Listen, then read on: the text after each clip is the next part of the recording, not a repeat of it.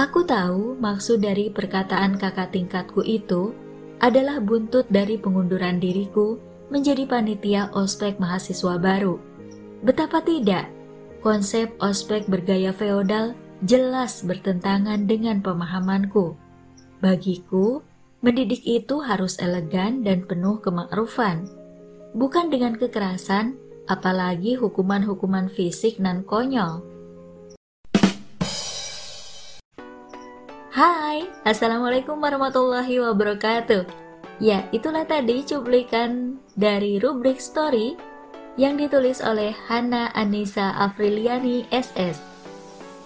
Berjudul, Panasnya Menggenggam Bara Idealisme.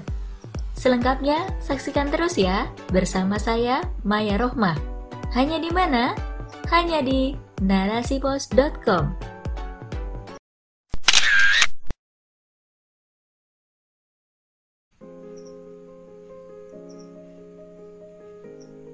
Gara-gara Nisa, Islam tuh jadi tercoreng tahu. Kata seorang perempuan muslimah berhijab kakak tingkatku di kampus. Dek, pernyataan yang tegas dan sungguh menyakitkan. Bisa-bisanya dia tega mengatakan itu persis di depan wajahku. Padahal Islam tuh agama yang damai, toleran, penuh kasih sayang. Lanjutnya lagi dengan tatapan mata tajam. Aku masih diam, menata hati sekaligus kata-kata untuk kusampaikan padanya. Nisa itu eksklusif, terlalu saklek, radikal, ekstremis. Tudingnya. Sungguh semakin menusuk relung kalbu perkataannya. Tetapi aku mencoba tetap tenang, tak ingin terpancing emosi. Aku selalu ingat bahwa ketika emosi meningkat, maka kecerdasan menurun.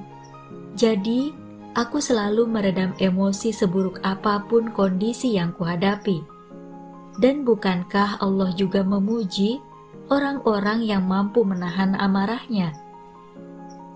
Sebagaimana hadis Rasulullah Shallallahu Alaihi Wasallam, barang siapa yang menahan amarah, sedangkan dia mampu mengeluarkannya, maka Allah memenuhi rongganya dengan keamanan dan iman. Hadis riwayat Abu Dawud Aku tahu maksud dari perkataan kakak tingkatku itu adalah buntut dari pengunduran diriku menjadi panitia ospek mahasiswa baru. Betapa tidak, konsep ospek bergaya feodal jelas bertentangan dengan pemahamanku.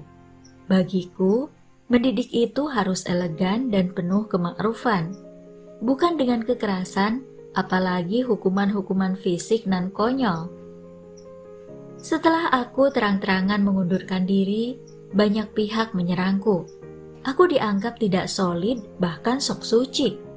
Tak hanya itu, kakak-kakak tingkat yang muslimah dan notabene-nya berlatar suatu organisasi keagamaan menyayangkan sikapku Kata mereka, harusnya aku bisa menoleransi. Setidaknya keberadaan kita di sana bisa mewarnai, katanya. Tapi dengan tegas ku sampaikan, tak cukup hanya mewarnai, yang kuinginkan adalah menghapus dan menggambar lagi yang baru.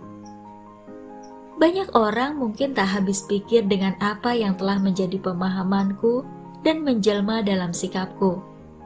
Adanya kontroversi bagiku adalah hal biasa, karena memang kebanyakan orang sudah terbiasa dihadapkan pada kehidupan yang rusak ala sistem sekuler hari ini.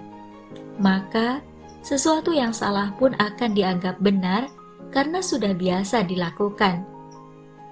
Jadi, wajarlah jika ada pihak yang kontra atas kebiasaan itu, maka akan dianggap aneh bak alien bahkan dituduh Islam garis keras.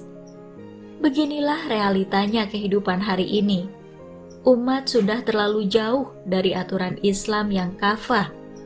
Sebaliknya yang disuguhkan dalam kehidupan sehari-hari mereka adalah aturan yang bersumber dari akal dan hawa nafsu manusia. Kakak tingkat yang menceramahiku tadi tak peduli meski di sekelilingku banyak orang berlalu lalang. Maklum, sedang jam istirahat. Dia bahkan tak segan meninggikan suaranya. Entah di menit keberapa, akhirnya aku mulai buka suara demi menanggapi perkataannya. Maaf kak, maksudnya ekstremis itu bagaimana ya? Berusaha untuk taat pada syariat kah? Itu yang disebut ekstremis. Aku hanya tidak ingin ikut membantu dalam aktivitas kemaksiatan kok. Yang kumaksud adalah aktivitas kekerasan yang biasa dilakukan dalam ospek mahasiswa baru. Karena memang demikianlah adanya. Dalam setiap kegiatan ospek, kakak angkatan seperti mencari-cari cara untuk menghukum mahasiswa baru. Dan hukumannya pun tidak mendidik malah cenderung menzolimi menurutku. Salah satunya, mereka dibentak-bentak sedemikian rupa meski kesalahan sepele. Dan mirisnya, hal itu dikatakan sebagai bentuk penggemblengan agar bermental kuat. Haruskah dengan cara itu? Bukankah ospek itu semestinya masa pengenalan mahasiswa baru dengan dunia kampus? Rasanya terlalu berlebihan, bahkan anfaedah jika dibumbui dengan hal-hal semacam itu. Wa ta'awanu 'alal birri wa taqwa wa la ta'awanu 'alal ismi wal udwan. Kakak tahu kan ayat tersebut? Sebagai muslim, kita dilarang untuk tolong-menolong dalam dosa dan keburukan.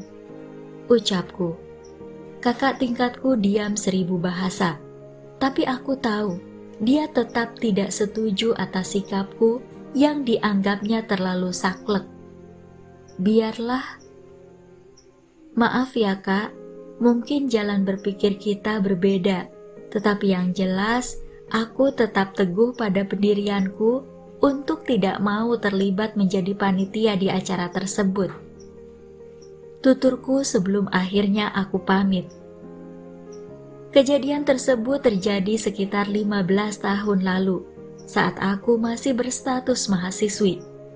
Jika direfleksikan dengan kondisi hari ini, apa yang menjadi prinsipku saat itu bisa juga dipakai untuk menyikapi pemikiran semacam itu.